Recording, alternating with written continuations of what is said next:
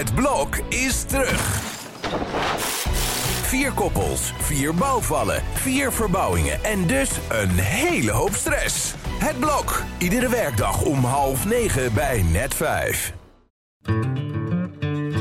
In Washington Calling, de nieuwe Amerika-podcast van de Telegraaf, gaat correspondent Paul Jansen iedere week met mij, buitenlandredacteur Thomas Blom, in gesprek over de stand van zaken in de Verenigde Staten. Van de polarisatie in de politiek tot de bizarre cultuuroorlog en van de American Dream tot de rafelranden van deze bikkelharde maatschappij. Naast een veelvoud aan thema's komen uiteraard ook de persoonlijke belevenissen van de voormalige hoofdredacteur van de Telegraaf aan bod. Washington Calling vanaf zaterdag 16 september bij de Telegraaf. En je kunt je nu abonneren in je favoriete podcast-app. Good afternoon. This is your captain speaking with just a little flight information. Dit is Inchecken, de reispodcast van de Telegraaf. Met Iteke de Jong en Koen Nederhof. Ja, welkom bij weer een nieuwe editie van Inchecken. We zijn terug van vakantie en beland in een politiek turbulent seizoen. De krimplannen van Schiphol, die gaan door, dat weten we sinds deze week. Maar of de sector nu moord of brand schreeuwt of niet. Maar kan Brussel dan nog dwars liggen? Of de rechter dan? En hoe komt het dat uiteindelijk de consument moet bloeden voor de krimpagenda van het demissionaire kabinet? Nou, we hebben weer een hoop te bespreken. Iteke, welkom terug. Uh, we wisselden elkaar mooi af de afgelopen weken. Uh, jij hebt uh, hier een keer alleen gezeten, daarna ik. We zijn er weer allebei. Goede Ja. vakantie gehad? Ja, Ja? lekker. Maar goed, eh, toen eh, kwam ik terug en eh, nog vol aan de slag met waar we het eh, over gaan hebben. Maar goed, ik heb een vakantie van uiterste gehad van 40 graden tot 14.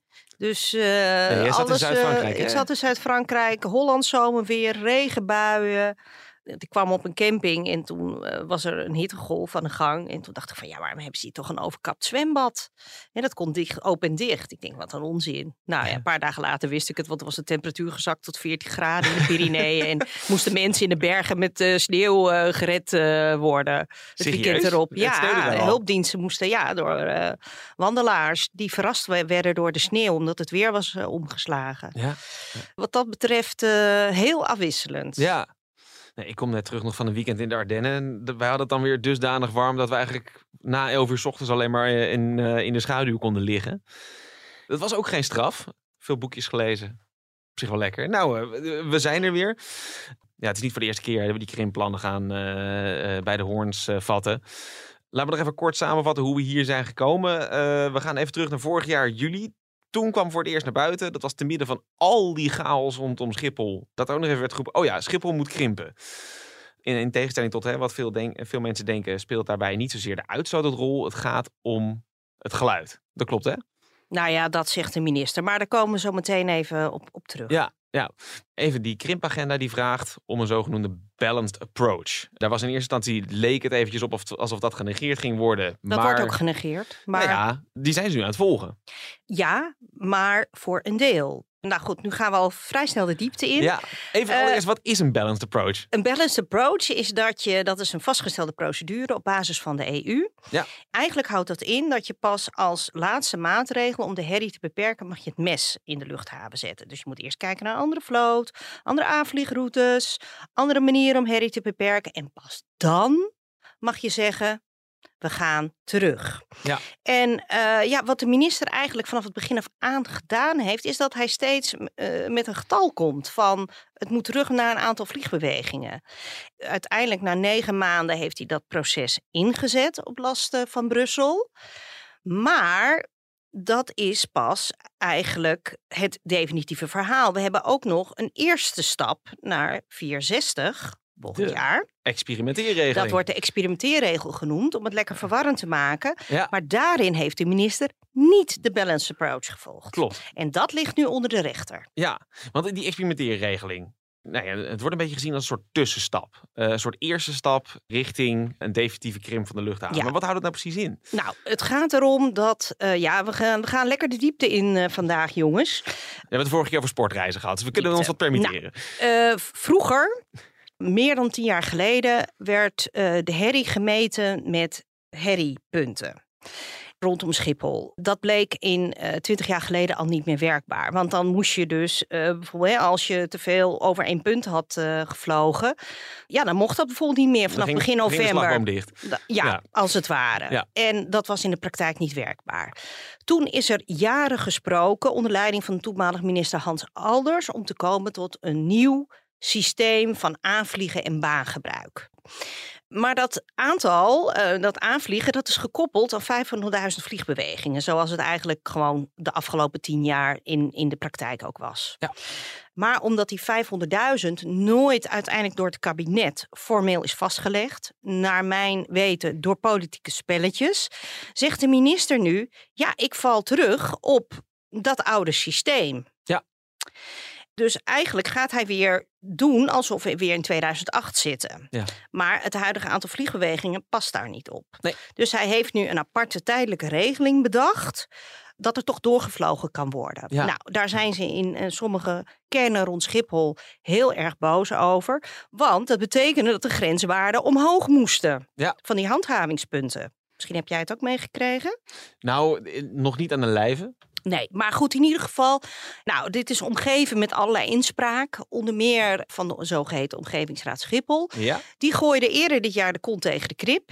En nu heeft de minister zich kennelijk toch die kant uit weten te duwen. En ze zijn eh, onlangs Ze zijn eh, zijn ze door de pomp eh, Ja. gegaan. Want dat was een beetje hè, het moment wat, wat Harbers, die zei dat ook. Van nou, er zijn nu twee rechtszaken geweest. Een eerste aanleg en een tweede aanleg. In de eerste aanleg haalde de rechter er een streep doorheen.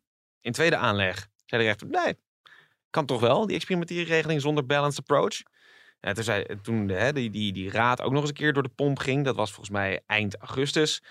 Eh, toen kwam Harbers met, oké, hoppatee, we gaan door. En vorige week kondigde hij dan dit aan over de experimenteerregeling en wat daarna moet volgen. Nou, wat we vandaag besloten hebben is om die regeling ook in te voeren op het eerst mogelijke moment. En dat is met het zomerseizoen van volgend jaar. En dan eh, is het aantal vluchten op Schiphol zo'n 460.000. Wat we in de tweede plaats vandaag besproken hebben is, dan moet je ook na gaan denken, wat is een regeling voor hooguit een paar jaar, dan moet je ook denken, hoe ziet die structurele oplossing eruit? En dat is eh, wat we vorig jaar aankondigden. Nou, eh, heel kort samengevat. 460.000 vluchten dus vanaf volgend jaar de, de zomerperiode. Die gaat volgens mij eind maart in. En daarna gaan we verder terug. Dat zou 440.000 vluchten worden. Maar Harbers die kwam met een, een nou ja, hij noemde het, hè, beschreef het als een set maatregelen om al flinke winst te boeken. Daar hebben we ook een fragmentje van. Er zijn heel veel maatregelen, we hadden zelf wat voorgesteld, er zijn heel veel maatregelen uit de sector gekomen. Die zijn allemaal beoordeeld of ze ook uitvoerbaar zijn, of ze kunnen, of ze genoeg geluid opleveren, et cetera. Dan blijven er een paar maatregelen over om dit geluidsdoel in te voeren. Dat is in de eerste plaats eh, s s'nachts stillere vliegtuigen eh, gebruiken. In de tweede plaats het gebruik van de secundaire baan, dat zijn de banen die de meeste overlast geven, nog verder beperken. In de derde plaats het aantal nachtvluchten beperken van 32.000 naar 28.700. En dan kom ik aan het, de beperking van het aantal vluchten in totaal. En eh, dat zou dan 452.500 worden. Ja, hij zegt hier een beperking van 452.500. Hij bedoelt zoveel blijven er over. Dat is even voor een kleine geruststelling, maar het is natuurlijk nog steeds heel veel eraf. En dat gaat dus gebeuren per november 2024. Ja, en Hij dat, zegt- is, dat is dus het grote probleem in dit verhaal. Ja. Hij wil iets op in november 2024, maar hij haalt het zelf al niet eens. Hè, dat heeft hij vorige week ook gezegd. Ja, van, klopt. eh, Want hij heeft, hè, ik, hij zegt ik haal het niet. Ik hij- haal het niet. Dus Nee. het Want hij zegt probleem. iets geks. Hij heeft een geluidsdoel gesteld. Ja. Dus hij koppelt het nu los van het aantal. Maar hij heeft tegelijkertijd zelf gezegd... ja, het geluidsdoel moest min 20 zijn en ik haal maar min 15. Ja. Dat voelt raar. Ja, en dit is natuurlijk koren op de molen van eh, de luchtvaartmaatschappijen. Die Ja. zeggen van ja, wat ben je nou aan het doen? Ja. Hè, eh, je hebt een geluidsdoel, je gaat allemaal draconische maatregelen nemen en je haalt het niet eens. Waar ben je nou mee bezig? Ja. Tegelijkertijd kan ik me dan voorstellen dat omwonenden zeggen... van ja, eh, kerel, haal die bel dan harder doorheen. Nou kijk, Het is een beetje van twee zijden niks. nou ja goed, het is de vraag of je de omwonenden hier ook... De praktijk leert dat de overlast een groot deel van de klachten maar door een hele beperkte groep eh, gedaan wordt. Ja. Of, of dit eigenlijk wel de oplossing is om met het vraagstuk om te gaan. Maar goed, daar zou je een boek over, over kunnen schrijven. Ja. Maar Want- goed, als je, want- geluid- als je geluidsdoel stelt, Jawel, dan moet je maar halen. Nou ja, kijk, eh, nog even terug. Dat geluidsdoel, hij heeft eh, gezegd... het moet volgend jaar min 20% zijn. Ja. Waarom volgend jaar eigenlijk? Nou, dat is dus volstrekt arbitrair. Hij had net zo goed een jaar later kunnen zeggen. Ja. En dan had hij bijvoorbeeld dat plan van KLM gewoon kunnen gebruiken. Ja. Dus dit is, het riekt aan alle kanten echt naar een politiek spelletje. Ja. Want, Want hij, waar, waar hij zijn kwam, ze bang voor? Want als je zo'n datum stelt, dan lijkt het alsof er daarna een consequentie zou volgen. Nou ja, die is er volgens mij niet. Die datum heeft hij zelf bedacht en uit de lucht geplukt, voor zover ik dat kan overzien. Niemand heeft dat aan tegen hem gezegd. Je moet november 2024 moet jij Was moet dat je, moet je stellen. einde kabinetsperiode eh, als ze niet gevallen waren? Is dat het? Misschien, maar eh, ik denk dat het meer ingegeven is van wat is realistisch, ook richting de luchtvaartmaatschappijen, om hun plannen daarop in te stellen. Ja, kwam vorig jaar Ja. juni kwam hij ermee, dus ik denk dat het meer op, op die koers zit. Maar vanaf het begin af aan is hij gaan schermen, want dat geluidsdoel, dat is pas na negen maanden is hij daarmee gekomen. Hij is Ja. vorig jaar heeft hij eerst aangekondigd, het wordt 44. Ja. Daar hebben wij het hier nog over gehad. Wij waren toen naar Brussel geweest, waar ze nou, geluidsnormen eh, hanteren. Ja. Toen zeiden we, goh, wat een goed idee. Dus Ja. toen had hij eigenlijk meteen min 20 moeten zeggen. En Ja. je kunt over die datum, ja, is dat nu realistisch? Hè? Kun je dat vragen van, van zo'n sector? Hè, je, eh, het is geen brood wat je koopt, een vliegtuig. Dus enige hè, realisme bij een vervanging van de vloot. Dat is ook niet onlogisch. Ja. Maar er speelt natuurlijk ook iets anders. Want ja, de minister die heeft gerekend met oude cijfers om te komen tot die 460. Ja. En eh, ja, KLM is daar wel op in een heel laat stadium mee naar buiten gekomen, vind ik zelf. Ze hebben vorige week een brief daarover gestuurd naar eh, de Tweede Kamerleden. En ze hebben dat eigenlijk ook, Marja Rintel heeft dat niet gezegd op televisie, dat de minister heeft geschermd met de verkeerde getallen. Nee. Want het gaat erom, de minister heeft kennelijk de vloot uit ne- 2014 heeft hij gepakt om te komen tot die eh 460. En dat je denkt, ja, maar het gaat toch om nu. Eh, er is toch, er zijn toch veel minder 4, eh 747's. Ja. Dus dat is ook heel erg raar. Dat heb ik aan het ministerie gevraagd. Waarom ze dat eh, gedaan hebben. Er kwam een heel vaag antwoord uit van eh, ja, we vallen terug op 2008 en nou, compleet arbitrair. Ik zou verwachten van, ja, als je kijkt naar de herrie nu, ja, dan moet je ook kijken naar de huidige vloot. Ja. En grappig genoeg heeft het Nederlandse Lucht- en Ruimtevaartcentrum, die heeft dus voor KLM berekend wat de geluidsruimte is op basis van de huidige vloot. En die komt op 487 eh 500 in plaats van die 460. Dat is ongeveer wat er nu aan slots beschikbaar is. Dat wordt alleen niet gehaald. Precies, precies. Ja. Dus ik denk gewoon, ja, waar, waar is de minister hier nu mee bezig? Ja. Nou, ik denk dat de minister vooral bezig is om. Hij wil heel graag een gebaar brengen, eh, doen naar de omwonenden. Dat is een beetje mijn gevoel. Maar dat getal, die 440, dat is gewoon uit de lucht geplukt. Oh, laten we dat maar doen. Oh, oh, we moeten ook nog eh, een geluidsstoel erbij verzinnen. Maar goed, dan komt Brussel om de hoek kijken. Ja. Nou, wacht even, daar wil ik even zo heen. Want eh, Ja. we gaan eerst even... Oké, november 2024. Daarmee wordt gelijk ook in hè, de stukken die, die, Harbers, eh, eh, die vanuit Harbers ministerie komen, wordt gezegd, ja, dat betekent dat een aantal plannen die zijn ingediend. Hè, KLM bijvoorbeeld van, nou, we gaan de vloot eh, in, in jaren vervangen, waardoor die 40% stiller wordt. Er zijn nog een aantal andere voorstellen geweest, zoals een volledige nachtsluiting.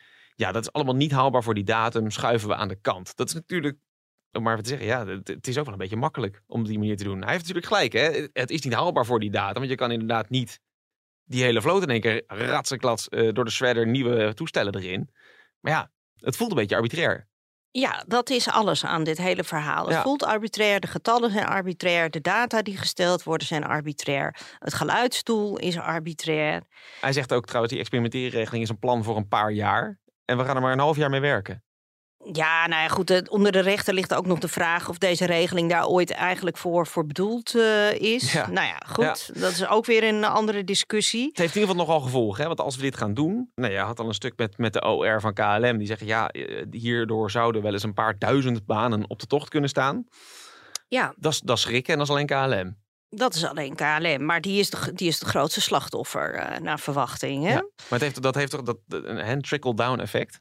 Ja, Eh, zeker. Dat betekent ook dat Ehm, eh, de, de toeleverancier van... eh, nou ja, Schiphol. Noem het allemaal maar. Schiphol, ehm, de taxichauffeurs hebben straks minder werk. Het kan invloed hebben op de congressector bijvoorbeeld. Hè, want de congressector die krabbelt ook net weer op. En populaire congressteden die moeten direct aangevlogen, makkelijk aan te vliegen zijn. Maar kijk, het, het hele treurige van dit verhaal is dat het dus met name vooral de Nederlandse economie eh, gaat treffen. Ja. Want gisteren begreep ik dus van onze slotcoördinator, dat is de meneer die, die verdeelt de, de slots, Ja. de, de landingstijden onder de luchtvaartmaatschappijen. Hij houdt nog 12.500 heeft hij nog in de achterzak voor nieuwe toetreders. Dus ze gaan nu eigenlijk KLM onder druk zetten om vluchten in te leveren. Vervolgens gaan ze de concurrentie ook nog meer eh, ruimte geven op Schiphol. Ja. En Dus- hetzelfde geldt natuurlijk voor Transavia. Transavia zit in die nacht waarin beperkt moet Ook worden. dat nog. Da- Ehm, dat is de volgende. Dus ja. dit is voor KLM voor de netwerkmaatschappij die intercontinentale verbindingen hebben. En dan hebben we nog onze vakantievliegers. Ja. Die zijn allemaal afhankelijk van de nacht. Ja, Corendon en TUI zijn wat minder gebonden aan Schiphol. Die wijken gewoon uit. Dat zie je Die kunnen uitwijken, maar voor Transavia is de toekomst echt wel heel eh, moeilijk. Maar ja, ik hoor ze ook niet. Dus ja, wat dat betreft denk ik van ja, heb je dat dan ook Ja. niet een beetje aan jezelf te danken? Ja, Transavia was heel snel met, met een eerste reactie op het, eh, op het plan. Maar ja. Nee, ehm, maar waar, waar, waar- heb je ze nou ergens gezien op televisie? Op, Ik ben een eh, millennial, hè. Ik kijk geen tv. Maar ik heb of ze, verder ik, op de socials. Ik heb ze ook niet gehoord op een podcast. Nee. Het is heel stil en eh, ze hebben wel iets gedaan met onze eh conculega's van eh, Noord-Holland Nou ja. Ja. over de vlootvernieuwing. Maar ja, ik denk van ja, kennelijk vindt, vindt, vindt eh, ja, een krijg beetje- je daarmee je zorgen over, eh, over het uh, ja, ze zijn natuurlijk wel onderdeel van die rechtszaak. Maar ja, goed. Ja, maar als je nou- toch aandacht wil eh, voor het feit dat, dat je hele bedrijfsmodel op de tocht staat. Ja, ja. Dat lijkt me toch wel dat je dan toch wel iets harder aan de bel kunt trekken. Maar Dat- goed, bij alles wat de KLM-groep doet op dit moment, denk ik bij alles van ze zijn gewoon bang voor hun Er zit een aandeelhouder. terughoudendheid, hè? Ja. Ik vind ze gewoon zo stil. Waar is dat blauwe leger? Ja. Die hadden toch gisteren op de stoep moeten staan in Den Haag toen de Tweede Kamer uiteindelijk de bijl eh, liet vallen. Op daar 12 moeten gaan zitten om 11 uur. Dat is ook nog wel grappig. Dan krijg je dat die Extinction Rebellion lui om 12 uur aankomen. En denk je, shit, er zitten al 27.000 KLM'ers. Ja, Ehm, dus maar, maar vind jij dat nou ook niet? Nee, ik vind het ook gek. Want ik zou inderdaad zeggen, ik bedoel, eh, eh, los van, van of je van mening bent dat de luchtvaart moet krimpen of niet. Het lijkt mij dat als je als bedrijf getroffen wordt, dat je dat toch wel inderdaad wat stampij gaat maken. Ja, we Ehm, hebben een petitie, zei iemand op LinkedIn gisteravond tegen me. Want ik had deze vraag op LinkedIn gesteld. Ja, Van waar is het blauwe leger eigenlijk? ja. Ja, nee, we hebben twee petities. Ik zeg, dat is toch een... Wie kijkt er nou naar zo'n petitie? Ik zeg, jullie moeten gewoon in alle kranten, op alle tv's, op alle socials zijn. En die terughoudendheid, en je merkt gewoon bij KLM intern is onbehagen. Ook daardoor eigenlijk over de leiding. ja. President-directeur Marjan Rintel, die zit er sinds vorig jaar. Ja, ze is aangesteld door Kaag. Ja, is Rintel de figuur die in opstand komt? Hè? Zij is iemand, zij heeft gezegd in een interne podcast, zij is iemand voor de verbinding. Ja, is iemand die de verbinding zoekt in deze fase van, van de onderneming, is dat de juiste figuur? Ja. Hè, ze hebben Pieter Elbers natuurlijk eh, aan de kant gezet vorig jaar. Ja, dat was toch een wat stevige figuur. Ja. Ja. die hebben ze natuurlijk ook met reden aan de kant gezet dat ze geen last meer van hem wilden hebben in Den Haag. Maar ja, dat is toch al met al, is het toch een beetje een vreemde gang van zaken, vind Ja. ik, bij KLM. Aan de andere kant denk ik, hé, oké, we hebben het over verstrekkende gevolgen. Ehm, het is ook minder herrie.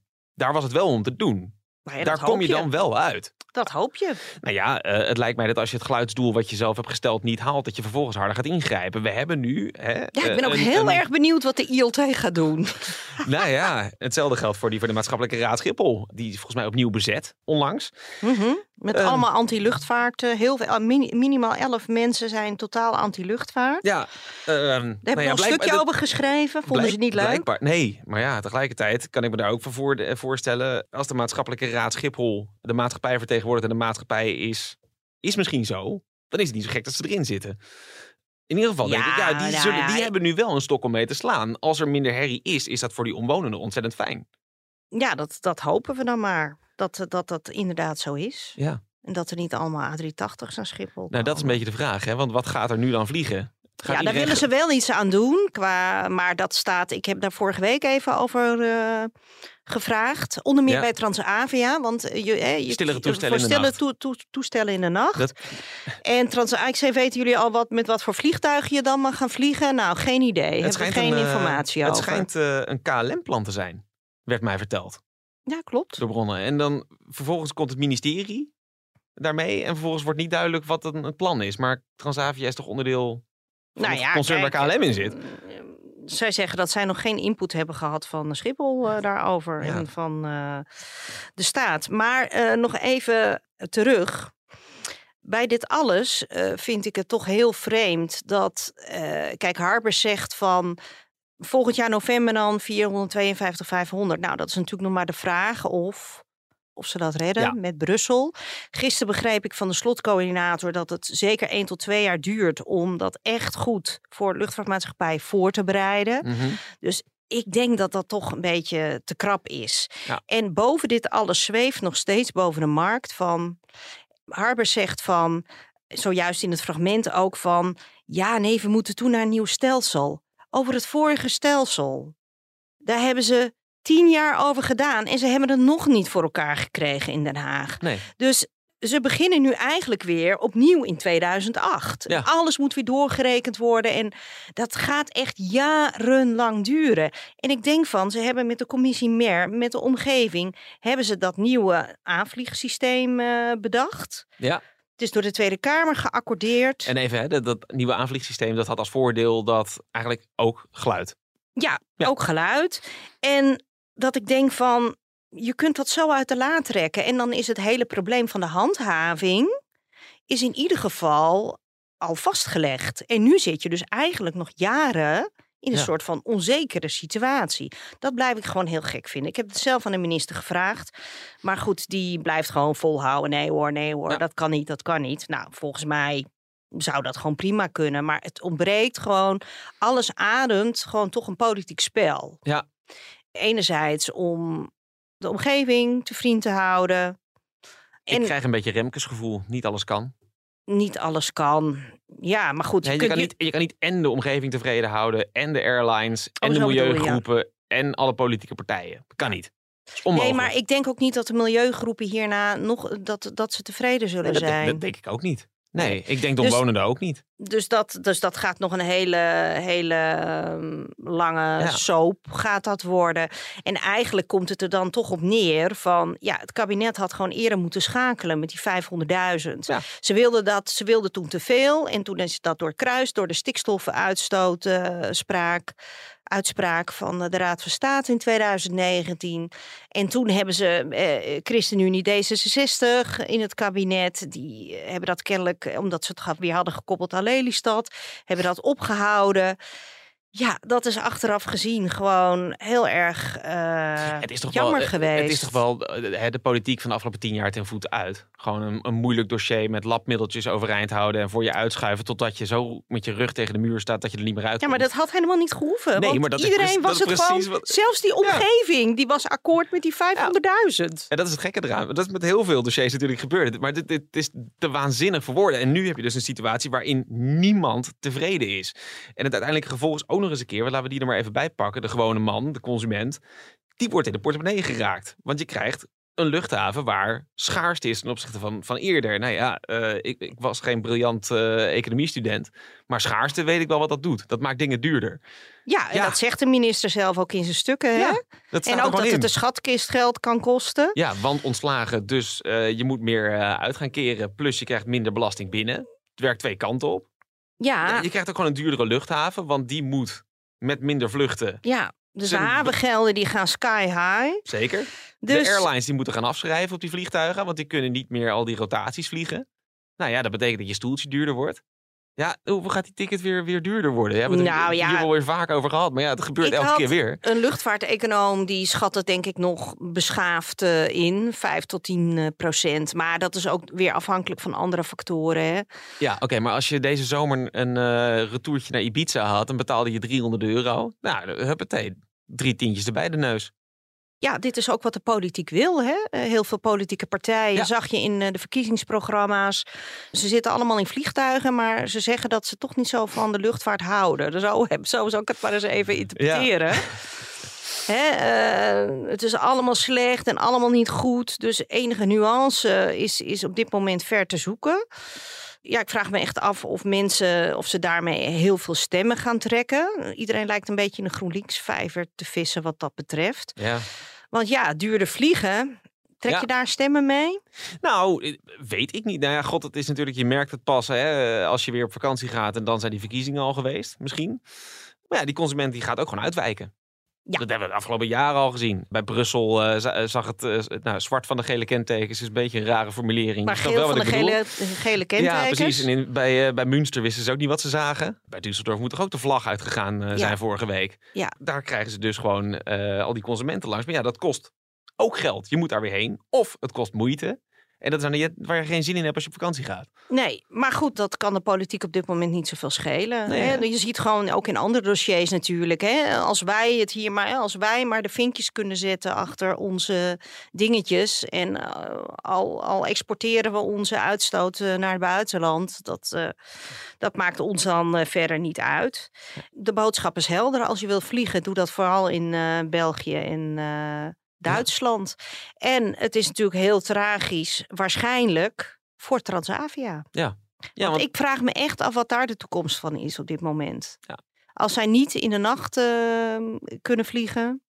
Want Lelystad gaat Nee, ook niet door. Lelystad gaat niet door. Nou was dat een beetje, dat wisten we al. Maar eh, hè, dan ga je als Harbers, die al eerder heeft gezegd... we nemen pas in 2024 een besluit. Het controversieel laten verklaren. Van nou, laat het maar aan de Kamer. Ja, dat is wel heel gratis weggeven. Ja, En die krimp, die, die verklaar je niet controversieel. Daar heb ik al een beetje met, met, met gefronste wenkbrauwen naar gekeken. ja, weet je, het is één groot politiek spel. Ja. Er is gewoon geen lijn meer in te, in, in, in, in te zien op dit moment. Nou, hoe nu verder? Oké, want Brussel moet er nog naar gaan kijken. Ja. Wat gaan die doen? Die gaan dus dat pak papier van Harbers eh, doorspitten en kijken of die alle lijntjes Ja. heeft uitgelopen. eh, Ja, en, die geven geen advies, maar een besluit. hij noemt het een advies, hè, Harbers? Ja, maar ik Ja. hoorde dus uit andere kringen dat het een besluit is. Ik hoorde uit Brusselse bronnen dat de Europese Commissie er gehakt van gaat maken. Nou. Ja, ik ben heel benieuwd Dat weten ze dan. ook al eh, snel, trouwens. Dat, dat weten ze ook al snel. Ja, nee, goed, daar wordt het natuurlijk wel een beetje gevolgd al. Ja. Maar ik heb al een paar. Ik heb eh, in maart de eurocommissaris hierover bevraagd. Toen zei ze van ja, ik zeg pas iets als ik het stuk eh, heb eh, ontvangen. Maar kijk, het reizen wordt duurder. De toegang tot de markt wordt beperkt. Dit zijn doorgaans niet dingen waar Brussel van gecharmeerd is. Dus ik heb echt het gevoel dat, ze, dat de Nederlandse regering de bal op de stip legt om in te koppen door Brussel. Tja, waarom zou je dat doen? Want dan word je teruggefloten. Nou ja, dan heb je een blauwtje gelopen. Dan heb je een blauwtje gelopen en, je Harbers is, is toch weg. En dan kan je vervolgens tegen de milieuclubs en de omwonenden zeggen van ja, ja dat mag niet van Brussel. Ja, het mag niet van Brussel. Ja, of het mag niet van de rechter, want dat is ook nog een optie. Dat hebben we ook Ehm, nog. Ja, en de er verwachting een, is eh, dat- cassatie natuurlijk hè, tegen de, Ja. tegen de, nou ja, de Volgend jaar zomer gaat dat over. Precies. Maar de uitspraak is waarschijnlijk pas in de eerste helft van januari. Oh, ik hoorde eind dit jaar. Maar goed, Nee, ja, ehm, eh, zoiets. Zoiets. Een beetje, Ja. ja. ja, ergens in de kerstvakantie hebben wij weer wat leuks te doen. Dat, eh, Dus, wat eh, kan die dan nog besluiten? Dat die hele experimenteerregeling niet door kan gaan. Nee. Ja, die staat al ingetekend. nou, ja, die staat ingetekend, maar de slotcoördinator die heeft mij gisteren gerustgesteld op dat vlak. Ik zeg van, nee, want begin november worden de vluchten uitgegeven. Ja. Ik zeg, nou, als de rechter nou eh, een paar weken later besluit dat het toch niet zo eh, kan gaan, of dat het toch niet het proces niet juist is gelopen, wat dan? Oh, dan zetten we binnen, binnen één dag kunnen we die, kunnen we die vluchten weer in de systemen zetten. Dat is gewoon het kettingje van het parkeervak af en huppatee, je kunt er weer bij. Ja, maar goed, kijk, je, je vlootplanning. Ik weet niet of je dan nog eens goed zit met je vlootplanning. Dat lijkt mij toch niet? Dat lijkt mij toch ook niet. Dus ik vond dat een beetje makkelijk van onze slotcoördinator. Precies. Hey, dan nog even terug naar Transavia. Hè? Want, want je zei al, hè, als ze niet meer in de nacht kunnen vliegen. eh, er wordt nu eh, lichtjes gesnoeid in de nacht. Maar die nachtsluiting, die zit er wel degelijk in verborgen. Harbers heeft daarvan gezegd van ja, hey, het past niet voor november 2024 om die nachtsluiting te doen. Daar moeten we nog meer onderzoek naar doen. Maar ik heb eigenlijk wel oren naar. Ja, maar dit Ja. is ook weer zoiets. Weet je, Harpers heeft een tijdje geleden allerlei scenario's op tafel gezet. Eentje ervan was 500.000 plus nachtsluiting. I- En ja. nu ineens zegt hij van, ja nee, het moet 4,52 worden. En over die nachtsluiting ga ik ook nog nadenken. Dan denk ik echt van, Ben je toch ja, terug- dan ben je teruggefloten. Ergens van ja, nee, ho, ho, ja dat kan niet. hallo, eh, zet dan die 500.000 met een, met een nachtsluiting door. Schiphol wilde wel. iedereen gelukkig. Want omwonenden zijn daar denk ik ook wel eh, voor te porren. Dus dat begrijp ik eerlijk gezegd niet. Eh, Nou, misschien met de KLM-groep dat ze daar nog, hè, die zit natuurlijk met hun netwerk in de vroege ochtenduurtjes. Ja. Daar moeten we nog even verder induiken. Ja. Waarom dat scenario niet gelukt is. Want daarvan zou waarschijnlijk, wa- wa- ik denk, mijn gevoel zegt dat dat de beste optie was geweest voor iedereen. Dat denk ik ook. Eigenlijk. Maar ja, wordt misschien, vervolgd. misschien heb je dan toch iets te veel gezeik eh, van alles wat er over de Atlantische Oceaan heen komt met meewind.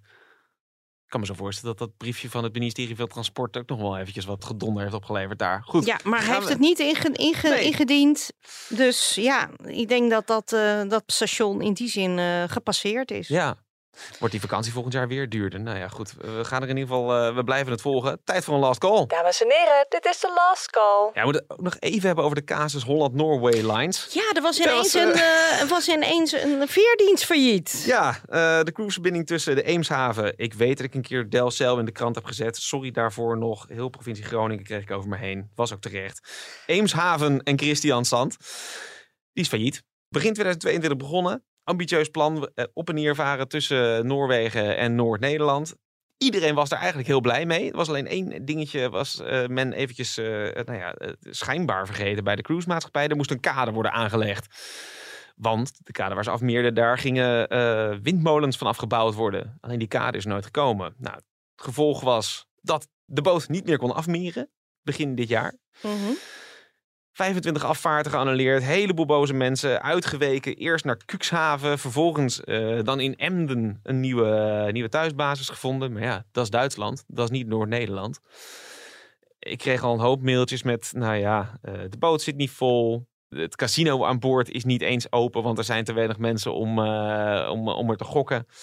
Ja, en daar was dan het bericht. Uitstel van betaling en binnen een week eh, failliet verklaard. Ja, Ja, toch wel pijnlijk. Het was een hartstikke succesvol eh, idee in het begin. ja ra- raar hè? Waarom lukt dat dan niet? Hadden ze toch even Willem Blijdorp moeten bellen. Ja. De BNS Group, een miljardair die eh, heel veel geld heeft verdiend eh, met dit soort eh, nou ja, en met vaartochten tussen Nederland en Duitsland. Ja. Als je ziet dat dat, hè, ze hadden volgens mij begroot op 190.000 eh, passagiers in het eerste jaar en het werden er 240.000. Ja, het animo was er wel. Die ondernemers in Noord-Nederland, die waren hartstikke blij. Die gingen bordjes in het Noors ophangen in een winkel. Ja, Eeuwig- toch, eh, eeuwig toch- zonde. Toch geen goede, goede onderneming die Nee, ja. erachter zit. Nee, ja, of te veel hooi op je vork genomen en gedacht, nou die kade, dat lukt wel. Maar ja, Hè, je moet toch zekerheid hebben voor de komende tien jaar wil zo'n investering een beetje renderen. Ja. Klopt. Nou ja, sterker nog, in de Eemshaven hadden ze het liefst gezien dat hè, ze, daar wilde de overheid wel bijspringen met een kade, maar dan moest er voor 50 jaar wel een garantie zijn. Ja, dat was ook niet te doen. Ja, dat is, Maar het is dat is natuurlijk- weer te ambitieus. Ja, maar het is ultiem terug, want er werkt ook nog 400 mensen bij dat bedrijf. Ja. Het groeit als kool.